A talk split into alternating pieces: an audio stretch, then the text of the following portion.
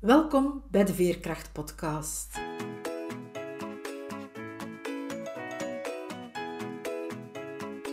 Ik ben Veerle Schaltien, levensverhalen en schrijfcoach. Met mijn bedrijf Wiebelwoorden trek ik voluit de kaart van veerkracht. Voor deze podcastreeks interview ik veerkrachtige vrouwen.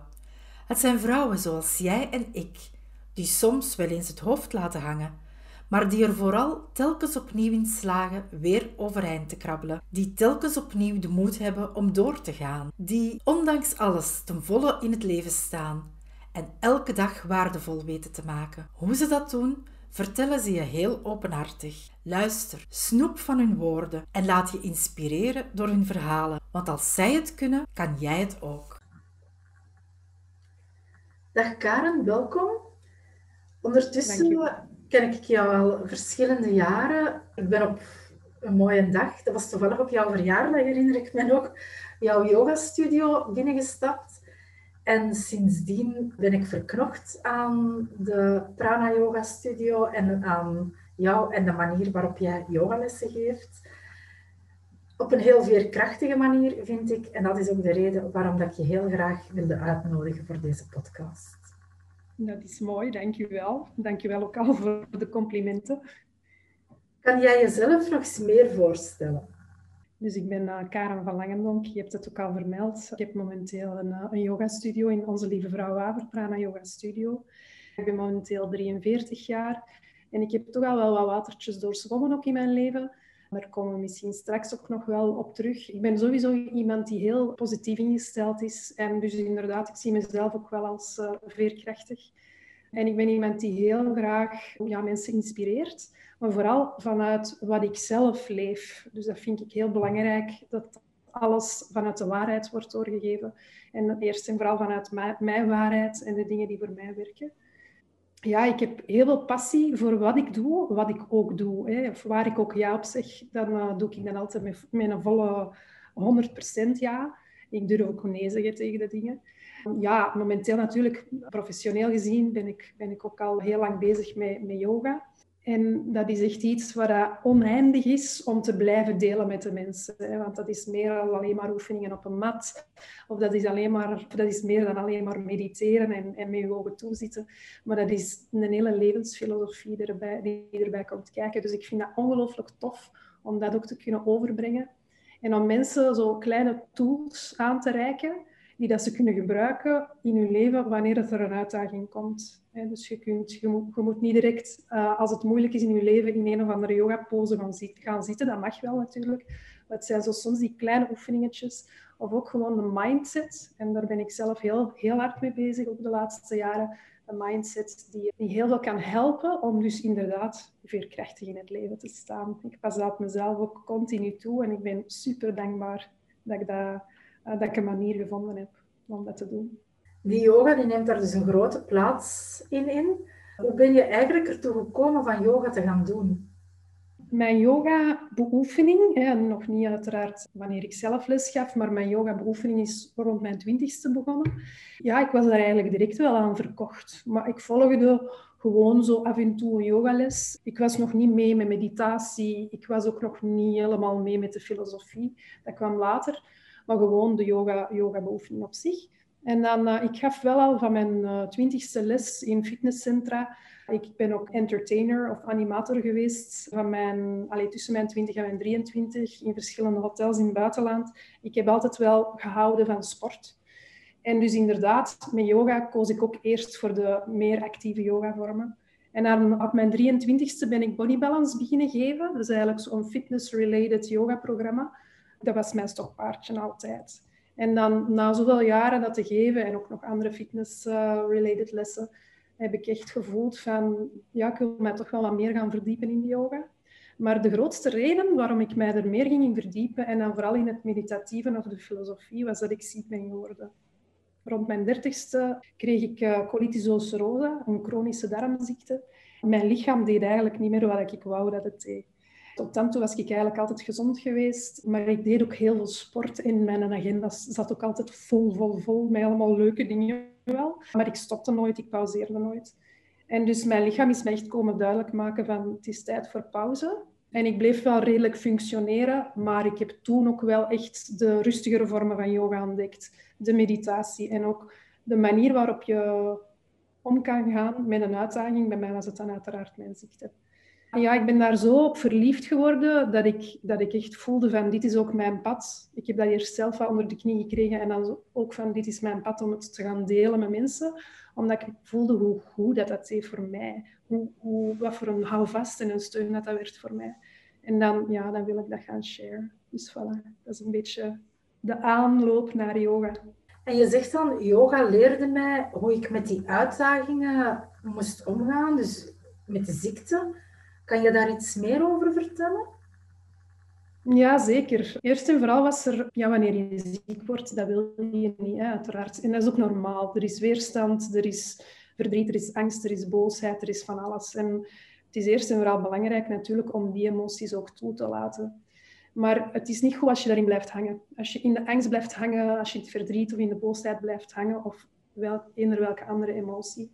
En dus dankzij yoga heb ik leren omgaan met die emoties. En ook, dus enerzijds het toelaten.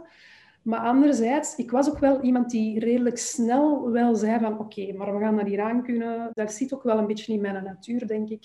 En we gaan kijken van hoe we, dat, hoe daarmee om kunnen gaan. Wat ik van de yoga dan vooral heb geleerd, is dus dat pauzeren, dat stilstaan, dat invoelen. Echt gaan voelen van oké, wat doet dit nu met mij? En dan beter voor mijzelf zorgen. Dus dat betekende in, dat, in die periode uiteraard veel minder gaan doen, veel meer rusten, andere dingen gaan doen dan dat ik ervoor deed, die een agenda niet zo vol plannen, accepteren dat je ziek bent, een hele belangrijke. Ja, en gewoon jezelf beter leren kennen. Je gaat echt op zelfonderzoek. En het is jammer genoeg zo dat vaak mensen die voor een hele grote uitdaging komen te staan in hun leven, soms is dat een ziekte of iemand dat ze verliezen of iets anders dat heel ja, groot is, dat dan mensen beginnen open te staan voor yoga. En bij mij was het eigenlijk, ik deed al heel lang yoga, maar echt voor de essentie van yoga begon ik ook echt pas open te staan wanneer ik ziek werd. Toen ik besefte van, ik heb hier wel steun nodig. Ja, in die zin heeft dat mij wel uh, ondersteund. En ik denk ook, ik heb drie hele zware operaties gehad, vijf, zes jaar geleden. Ik heb ook dan superveel techniekjes toegepast voor de operaties, vlak daarvoor, als we mij ook in de operatiekamer binnenreden, maar ook daarna in de herstelperiodes. En ik moet wel zeggen dat ik in die drie ziekenhuisopnames, waar ik, ja, ze schatten dan in hoe lang je in het ziekenhuis gaat liggen of hoe lang het duurt voordat je herstelt, ben ik altijd sneller het ziekenhuis uitgekomen dan dat ze voorspeld hadden.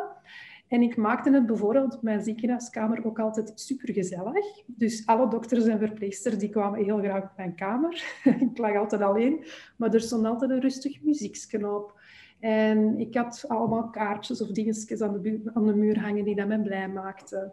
En ja, ik, ik, ik was ook gewoon iemand die blij was met elk klein stapje dat ik vooruit of dat ik hersteld was. Ik, ik lag ook dikwijls, want het waren heel zware buikoperaties, dus eigenlijk kunnen dan bijna niks doen. Maar van zodra dat ik dat kon, ging ik echt zo even in een hele rustige yoga pose op mijn bed liggen.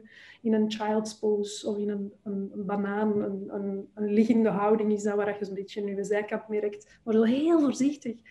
En dan weet ik nog dat er eens een verpleegster binnenkwam en die zegt oei, oei, wat zit jij aan doen? Ja, dat mag niet, dat mag niet. En dat was wel grappig, want ik zei, ja, maar trust me, I know what I'm doing. En ik weet dat ik nu niet heel diep mag gaan stretchen, uiteraard. Zeker niet als ze uw buik hebben opengesneden. Maar ja, ik voelde wel gewoon dat dat keert geholpen heeft. Ook de ademhalingsoefening en de meditatie. Dus ja. Ja, die verpleegster zegt, dat mag niet, dat mag niet. Maar jouw lichaam gaf misschien net wel aan van dit doet nu deugd, dit is oké. Ja, ja, want als je uh, bedlegerig bent, hè, en ik kon al wel een beetje bewegen, maar als je amper, oké, na een paar dagen, zeker de eerste operatie was de zwaarste, dan, dan, mocht ik drie dagen niet uit mijn bed, omdat ik ook epidurale verdoving had. En uiteraard, dan lag ik nog niet een yoga pose te doen, ook niet op mijn bed.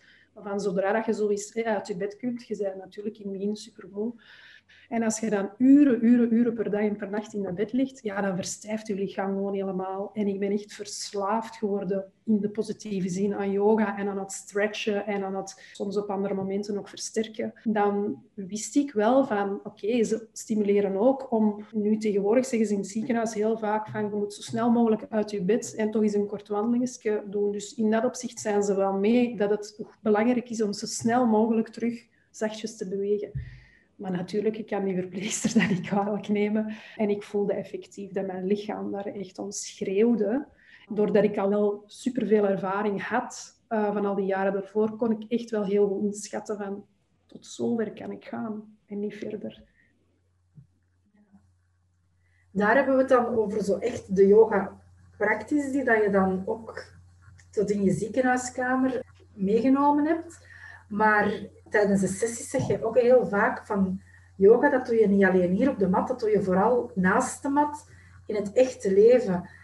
En ja, als ik dan zo je hoor vertellen hoe dat je het gezellig maakte op je kamer, maar hoe dat je ook eerst aanvaarde van dat je wel ziek was, ja, de emoties die daarbij kwamen toeliet, maar daar niet bleef hangen, dat is dan eigenlijk wat dat we kunnen verstaan onder yoga naast de mat.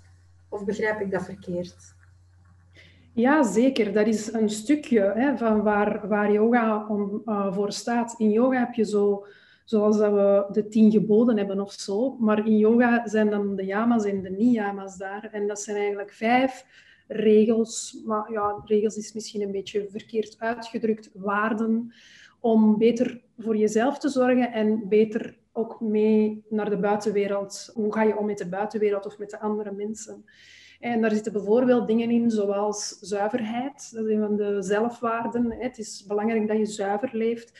Daar zit heel veel in. Dat is zuiver in ja, dat je natuurlijk je met goede voeding voedt. Dat je jezelf zuivert door, door de juiste lichaamsbeweging toe te passen. Maar dat je ook zuiver van geest bent. Dat je, dat je eerlijk bent de waarheid spreekt. Dat je ook een zuiver huis hebt bijvoorbeeld. Dat kan ook heel simpel zijn als je constant in de rommel, in de rommel leeft en in een vuil huis. Ja, sommige mensen zijn daar natuurlijk gevoeliger aan dan anderen, maar dat, dat, dat, is, dat voelt niet juist. En dus ook zuiver in je spraak. Hoe praat je tegen mensen? Dus bijvoorbeeld, dat is er zo eentje. Als ik dan naar een waarde kijk van de yamas, waar dat dan eerder is, hoe ga je om met de wereld, dan is dat bijvoorbeeld ahimsa en dat is geweldloosheid. Dus probeer altijd geweldloos te zijn of vredevol te zijn. Wat dat niet wil zeggen hè, dat je eens niet kwaad mag worden of dat je altijd zin moet zijn, want dat is het zeker niet. Maar daar valt onder bijvoorbeeld ja, dat je toch niet agressief mensen moet gaan behandelen of mensen oprecht of bewust uh, kwetsen. Ja, niemand doden uiteraard. Er valt ook wel onder geen dieren doden. Ik ben zelf ook een beetje schommelende tussen flexitariër en vegetariër, ook om andere redenen. Dus bijvoorbeeld mild zijn voor jezelf. Hè, want je kan nu zeggen van ja, ik wil perfect volgens al die waarden van yoga leven. Maar dat doe ik ook niet, want ik wil geen dogma's of niet te dogmatisch worden. Dus als we het dan hebben over geen dieren doden, ja, ik doe dat onrechtstreeks ook nog, omdat ik vlees en vis eet af en toe. Maar goed, het is ook altijd een persoonlijk proces en niet streng zijn voor jezelf. Dus ook mild zijn en zacht zijn en stap voor stap gaan. En zijn het ja, die richtlijnen, je noemde het waarden, het zijn misschien ook richtlijnen die je kan proberen te hanteren in je leven op een milde manier. Maakt dat jou juist zo veerkrachtig? Dat geeft mij zeker een aanwijzing. Dat geeft mij ook weer een houvast. Ik check wel soms af bij als het een beetje moeilijk is in mijn leven. Dan ga ik zo af en toe wel eens kijken naar die, die, die waarden, naar die yamas en die niyamas. Van oké, hoe zou het vanuit de yoga-filosofie kunnen benaderd worden? Dus dat helpt zeker. Mm, dat mild zijn, ja, dat, ja, ik denk wel inderdaad. Stel dat je altijd super streng bent voor jezelf en hard, dan ga je ook hard worden naar andere mensen toe. En ik ben iemand wel met een redelijk pittig karakter. ik ben nu niet iemand die, uh, die uh, altijd roept tegen andere mensen of zo, of dat ervoor deed. Maar ik kan redelijk direct zijn. Als je verhardt van binnen, dan verhard je ook naar de buitenwereld en naar alles wat er is en naar alles wat op je afkomt. En dan ga je eigenlijk constant een gevecht voeren. Je gaat in discussie. Je gaat altijd je gelijk willen halen. Maar je gaat ook in discussie met je lichaam. Als je lichaam niet doet wat je wilt. Je wordt boos op je lichaam als je ziek bent. Of je gaat ja, in discussie met de ziekte op zich. Je gaat in discussie, om het nu maar even te hebben over de coronacrisis, je gaat daar ook heel hard in weerstand tegen. En die weerstand, en daar kom ik heel vaak op terug, ook in mijn talks en mijn yogalessen, dat kan je zien als, dat, zijn, dat is één laag, maar je kan die laag verdubbelen of bij één laag houden. En dus de, de eerste laag van weerstand is, even terug naar, naar de ziekte bijvoorbeeld. Je bent ziek, Uiteraard, daar is iets dat niet float. Er is iets in je lichaam dat niet in balans is. Dus dat is een soort van spanning of weerstand of iets dat uit balans is. Maar als je daar de tweede laag weerstand op gaat leggen, door daar constant tegen te vechten, door constant te willen dat het niet zo was, door constant te focussen op oh, wat kan ik nu allemaal niet meer doen, wat heb ik nu niet, wat nemen ze hier allemaal van mij af, door constant vanuit een tekort te denken en te voelen dat is de tweede laag weerstand. En die kan je zelf, daar kan je echt zelf voor kiezen. En dat vergt wel wat oefening en training om die weg te laten. En dan is er alleen maar die eerste laag weerstand, het feit dat je ziek bent. En jouw ziekte of jouw lichaam gaat altijd reageren op weerstand. Dus is er de tweede, de tweede laag, dan ga je ook minder snel genezen. Ik zeg niet dat yoga u kan genezen of dat mijn manier van leven kan genezen. Ik heb ook hulp nodig gehad van de dokters en de chirurgie en de alternatieve geneeskunde. Maar het kan, bewijs is denk ik een beetje hetgeen dat ik zei, van na die drie operaties was ik altijd veel sneller hersteld dan dat ze voorspeld hadden. Ik was veel sneller uit het ziekenhuis. Ik was veel sneller terug actief. En ik denk dat dat was omdat mijn tweede laag weerstand er niet was. Of af en toe is die er wel, ja, uiteraard, het is menselijk. Maar ik was me er dan ook van bewust. Ja, en als je daar dan bewust van bent, dan ja, kan je die laag dunner proberen te maken. Hè? Voilà. En daar start alles mee, hè? dat is bewustwording. En ik denk om veerkrachtig te zijn, mag je echt kijken naar jezelf. En stel dat je vindt, ja, ik ben niet veerkrachtig, of stel dat andere mensen dat tegen jou gaan zeggen, dan mag je jezelf de vraag stellen, eerst en vooral, is dat zo? En wat zit daar dan achter? Ik ben zelf ook al jaren in therapie. En ik vind therapie niet alleen iets voor mensen die, uh, weet ik veel, depressief zijn of gek zijn of weet ik veel. Therapie mag echt geen taboe meer zijn. Therapie is eigenlijk iemand die op een bepaald moment van je leven even je handje vasthoudt. Niet heel de tijd, want je moet het zelf doen. Maar iemand die jou even begeleidt, iemand professioneel. En als je dan de juiste match hebt gevonden met de juiste therapeut, en dat is voor iedereen anders, dan uh, kan je ongelooflijke stappen zetten, maar je moet het wel zelf doen.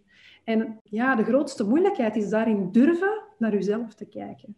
Dus ik ben in de therapie ook heel veel, tegen, heel veel dingen van mezelf tegengekomen waar ik van schrok, die ik eigenlijk nog niet wou zien, maar die er wel waren. En het is natuurlijk niet alles wat jouw therapeut zegt dat je, dan, dat je dat moet geloven, want het is altijd zelf terug in vraag stellen, in vraag stellen. Ja, ik denk gewoon dat zelfinzicht of dat bewustzijn, dat dat altijd de eerste stap is naar, naar verandering en dan eventueel naar een veerkrachtiger leven. Het voorbije jaar is de veerkracht bij iedereen wel serieus uitgedaagd geweest. Mhm. Hoe ben je daar zelf mee omgegaan? Ik vind dat ik er dus super goed mee ben omgegaan. Ik ben ook wel een beetje trots op mezelf, want ik, uh, ik ben verwonderd dat ik ik zie heel veel mensen, jammer genoeg, daaraan onderdoor gaan of daar toch heel hard tegen vechten. En, en jij weet dat ook, want wij hebben het er ook een paar keer over gehad. Het is iets ik ben echt mijn yoga of mijn way of life beginnen toepassen nu. Dit was voor mij zo, allee, en dat is nog steeds, want ook mijn zaak bijvoorbeeld is nog steeds gesloten, nu weer al vier maanden. In de eerste lockdown drie maanden. Ja, dat was voor mij één groot yoga-project. en kijken van oké, direct naar die weerstand gaan kijken. En ik voelde al direct bij de eerste lockdown van er was heel weinig weerstand. En daar was ik mij van bewust en was ik blij van. En als ik dan bijvoorbeeld veel te veel naar het nieuws begon te kijken en daar mij te veel op bleef focussen en dan uh, met mensen constant in gesprek ging over oh, het is toch wel erg en alle negativiteit van de coronacrisis opzommen, dan werd ik daarin meegesleurd. Maar daar was ik mij ook van bewust. En het was elke keer zo, als ik dan na een paar dagen dat ik elke dag het nieuws had gevolgd, als ik dan zei van oké, dit is een grote trigger voor mij om mee naar beneden getrokken te worden. Ik stop nu, ik ga nu een paar dagen of een week niet naar het nieuws kijken. En natuurlijk, ja, rond de grote beslissingen of als er een persconferentie kwam, hield ik het altijd mee in de oog om ook te weten van waar sta ik met mijn zaak. Maar ehm, ja, ik heb mij ongelooflijk omringd ook met, met, met, positieve mensen. Ik heb ook wel wat mensen rond mij gehad, allee, dus niet close, maar telefoon of buiten gaan wandelen, die dat wel wat moeilijker hadden. En daar kijk ik dan ook altijd heel goed naar. Heb ik daar de energie voor om die persoon u te ondersteunen? Als ik zelf dan op een iets lager energiepeil zit, dan ga ik zo'n afspraak eerder een beetje uitstellen. En dat is niet dat ik niemand wil helpen, maar dat is eigenlijk ook, denk ik, waarom dat mijn energie redelijk goed blijft. Omdat ik dan ook leer doseren en nee zeggen. Ik ben dan met de zaak gaan kijken, wat kan ik wel doen? Ik kan nu niet meer de mensen in mijn studio ontvangen. Dus ik ben in de eerste lockdown gewoon allemaal video's beginnen opnemen. Ik heb die allemaal gratis op YouTube gesmeten. Ik kon toen echt in de leerschool gaan bij mezelf over heel het technische aspect uh, van video's maken. Hoe post ik dat online? Voor de camera staan. Ik heb mij daar ongelooflijk mee geamuseerd toen. Het was toen ook heel mooi weer, hè? in uh, zo april, mei uh, eh, 2020. Dus heel veel van die filmpjes waren buiten. En dan, oké, dan mochten we terug open. En dan was dat ook wel, ja, oké, er is dan uiteraard zo wel even weerstand van, oei, en aan welke regels mag je opengaan? Ik mocht nog maar de helft van de mensen ontvangen die ik ervoor ontving. Maar ja, ik heb dat allemaal redelijk goed voorbereid en direct gezegd van, oké, ik begrijp waarom dat, dat zo is. En uh, ja, ik ga er ook weer niet tegen vechten. En dan zijn we opengegaan onder de strikte voorwaarden. Maar dat was echt een bom. Allee, iedereen wou terugkomen naar de studio en ik kreeg dat redelijk goed verdeeld. En dan in de tweede lockdown, wat dan voor ons vanaf begin november of eind oktober 2020 was, ben ik mij verder gaan verdiepen in dat online stuk. En heb ik uh, uiteindelijk in januari de officiële Prana Yoga Academy opgericht. Dus ik, ik voelde van oké, dat online stuk is echt ook... Dat is de manier nog om mensen te bereiken en om meer mensen te gaan bereiken. Dus ik heb echt gekeken naar de mogelijkheden. En ook, oké, met collega's een beetje uit de yoga-wereld gesproken, maar ook gaan zien van hoe ik dat hier anders aanpakken. Ik ga niet bijvoorbeeld het uurrooster dat ik normaal in de studio geef, kopiëren, om dat dan bij de mensen live op Zoom thuis te brengen. Omdat ik ook wel besefte van, er is bij die mensen ook van alles veranderd. Die zitten in een andere privé- en werksituatie. En die gaan niet altijd een uur tijd hebben om van thuis, eventueel met de kinderen die er rondlopen en de, en echtgenoot of weet ik veel wie, om daar een uur elke keer voor die Zoom diezelfde les te volgen als in de studio. Dus daar ben ik echt zo wat ruimer gaan kijken van, nee, volgens mij hebben de mensen nu iets anders nodig. Korte lesjes, een reeks waarin dat ze gemotiveerd worden, waarin dat ze elke dag van mij een mailtje krijgen, dat ze elke keer een kwartiertje iets kunnen doen. En ik ben daar ongelooflijk van verrast hoe dat, dat dan is aangeslagen. En er is bij sommige mensen weerstand tegen dat online lesvolgen. En dat, ik begrijp dat. Er zijn ook mensen die zeggen, ja, maar ja, ik ga nu veel wandelen of ik doe andere dingen voor mijn zelfzorg. Dus ik heb dat ook... Af en toe was er wel even die angst van, oei, verlies ik nu klanten en zo. Maar dan ook weer kijken van, nee, ik win ook langs de andere kant meer klanten bij, want online kan ik meer mensen bereiken ja, ik heb echt gekeken naar de mogelijkheden en zo wat bijgestuurd. En je moet je eigen zo wat heruitvinden en heel creatief blijven. En het was ook hard werken hè, achter de schermen, maar ook hard werken op een heel andere manier. Hè. Ik zit nu elke avond in mijn zetel. Normaal geef ik elke avond les. Dus ook zo, ah, ik ben zo dankbaar dat ik dat nu als cadeau krijg. Ik zal blij zijn als ik straks terug s'avonds in de studio les geef. Maar ik ben echt wel dankbaar voor de extra tijd dat ik krijg. Dus ja, samengevat, de weerstand, beseffen dat als die er is en dan ook kijken hoe je die tweede laag weerstand kan weglaten. Uh, dankbaar zijn, kijken naar wat wel kan. Heel belangrijk. En niet alleen maar focussen op wat niet kan. Jezelf laten omringen met positieve mensen waar je mee kan dan optrekken. Niet altijd over die corona-shit praten. Sorry voor mijn uitspraak, maar dat is ook zo. En um, ja, zelf, goed voor jezelf blijven zorgen. Hè? Want ik, ik zit veel meer achter de computer nu. Ja, mijn lijf is daar niet blij mee. Dus kijken van oké, hoe kan ik dat in balans brengen? Ook natuurlijk wel weer met, met yoga-poses of uh, op tijd alle schermen afzetten uh, enzovoort. Het valt mij op dat je zegt niet constant over de corona-shit praten. En ja, van mijn vak uit besef ik ook hoeveel energie er aan bepaalde woorden hangt. En inderdaad, hoe vaker dat je dat, dat C-woord, want ik spreek het zelf niet graag uit, hoe vaker dat je dat gebruikt, hoe vaker dat je ook in die negatieve energie zit. En ik merk zelf ook dat dat je heel erg naar, naar beneden kan halen. En zoals je daar straks ook al zei, hoe meer dat je naar het nieuws kijkt, ja, daar word je met al die woorden en feiten overdonderd. Ja, door je woorden te kiezen en niet alleen de woorden, maar ook de, de dingen waar dat je dan wel over praat, ja, dat maakt je al, al veerkrachtiger. Dus naast alle andere waardevolle dingen die je in je samenvatting gezegd hebt, is dat zo eentje dat ik er toch ja, nog eens wat uitpikken. Omdat de energie van woorden is iets ja, dat mij heel nauw aan het hart ligt.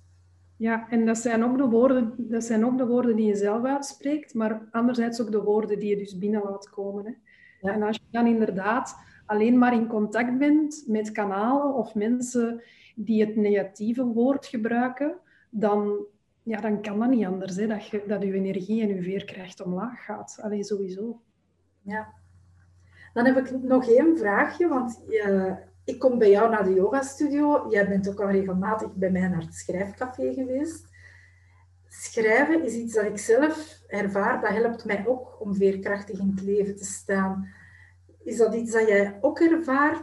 Ja, sowieso ben ik een grote poster op, op social media. Dat is heel raar, maar dat is voor mij ook een stukje de dingen van mij afschrijven.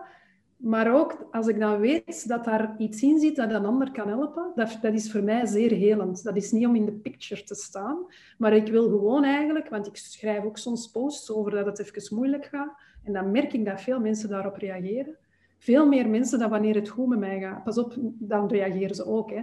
En dat vinden ze fantastisch. Maar als je dan je kwetsbaarheid eens even toont aan de wereld en ook zegt van, zie, mannetjes, ik heb ook wel eens dagen hè, dat het moeilijk is of zo, of ik heb nu een diepje.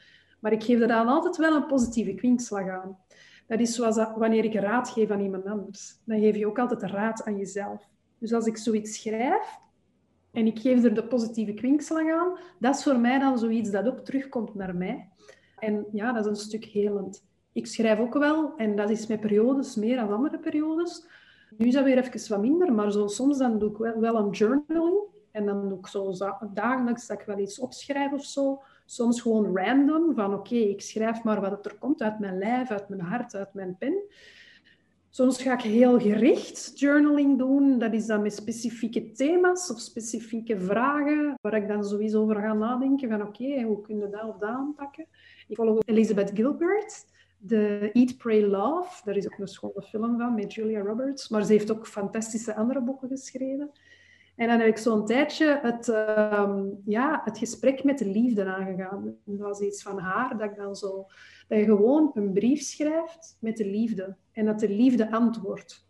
Dus je schrijft van, oh, ik voel me vandaag niet zo goed. En, en dan, het is een dialoogvorm eigenlijk met de liefde. En antwoordt de liefde. Maar dan mag je natuurlijk al wel een beetje begrijpen van hoe de liefde zou reageren. De liefde zou nooit zeggen wat je moet doen. De liefde zou nooit oordelen. De liefde zal jou nooit pushen. Hè? Dus een beetje begrijpen wel hoe die liefde dan zou reageren. En dan ga je zo'n conversatie met die liefde, want die liefde zit ook in ons, dus we hebben die bron. En dat is ongelooflijk, hoe dat, dat ook een verandering kan teweegbrengen. Dus ik ben ervan overtuigd dat schrijven voor sommige mensen, want sommige mensen zijn echt geen schrijvers, die gaan dan schilderen of die gaan zingen of die gaan iets anders doen, maar dat schrijven voor heel veel mensen kan helpen. Ja, het is eigenlijk een creatieve uiting. Hè? En inderdaad, de ene zal dat eerder met beelden doen, de andere met woorden, ja, of op nog, nog andere manieren. Maar ik ervaar het toch ook zo, dat om veerkrachtig in het leven te staan, dat die je creatief uiten, dat heel, heel belangrijk is. Ja, ik kan me wel inbeelden dat er sommige mensen zoiets hebben van echt yoga, dat is niks voor mij. Die moeten gaan hardlopen of die moeten op een spinningfiets gaan zitten. En oké, dan is het alleen maar dat fysieke. Maar iemand die daar niet klaar voor is, of ja, dat is met elke sport ook zo. Hè, van de ene doet graag voetbal, de andere basketbal.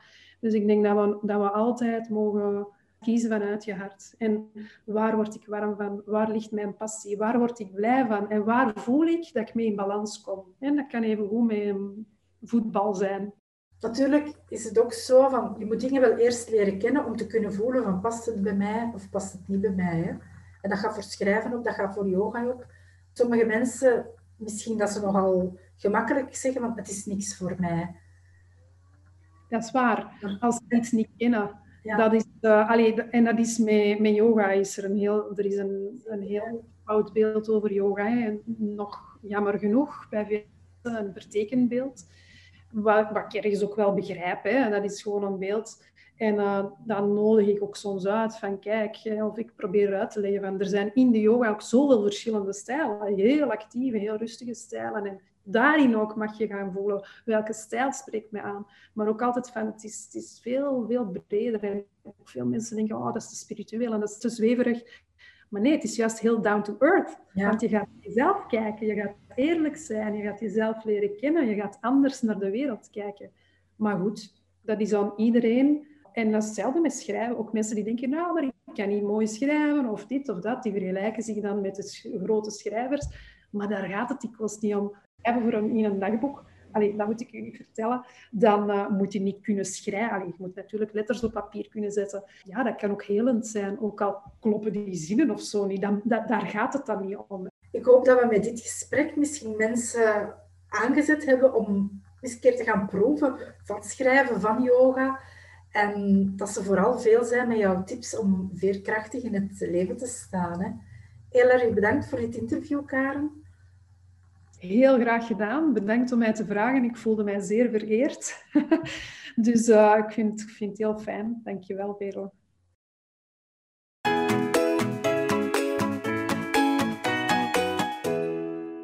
Heb je zelf het gevoel soms veerkracht te missen of weet je niet hoe je de veerkracht die in je zit kan oproepen? Dan is het nieuwe Bibelwoorden-traject Je verhaal als bron van veerkracht iets voor jou. Zes weken lang komen we één keer per week samen in een online cirkel. En tussenin krijg je telkens een werkboek met creatieve oefeningen, visualisaties en opdrachten in de natuur. Er is een gesloten Facebookgroep waarin je dingen kan delen en waarin je ook feedback krijgt en er is ook een individuele familieopstelling inbegrepen. We starten op 26 maart. Maar schrijf je in voor 8 maart, dan kan je meedoen aan een voordelige snelle beslissersprijs. En dan krijg je er nog een cadeautje bovenop. Alle info vind je op onze website en ik zet de link in de tekst die bij deze podcast hoort. Je luisterde naar de Veerkracht-podcast. Hartelijk dank hiervoor. Hopelijk heb je even erg van dit veerkrachtige verhaal genoten als ik. Laat je er zeker door inspireren. Ben je benieuwd naar het volgende interview? Of wil je niks van deze podcastreeks missen? Surf dan naar www.wiebelwoorden.be of abonneer je nu meteen gratis op deze podcast via Spotify of een andere podcast-app. De montage van deze podcast was in handen van Johannes Veremans. Nogmaals dank voor het luisteren en graag tot de volgende aflevering.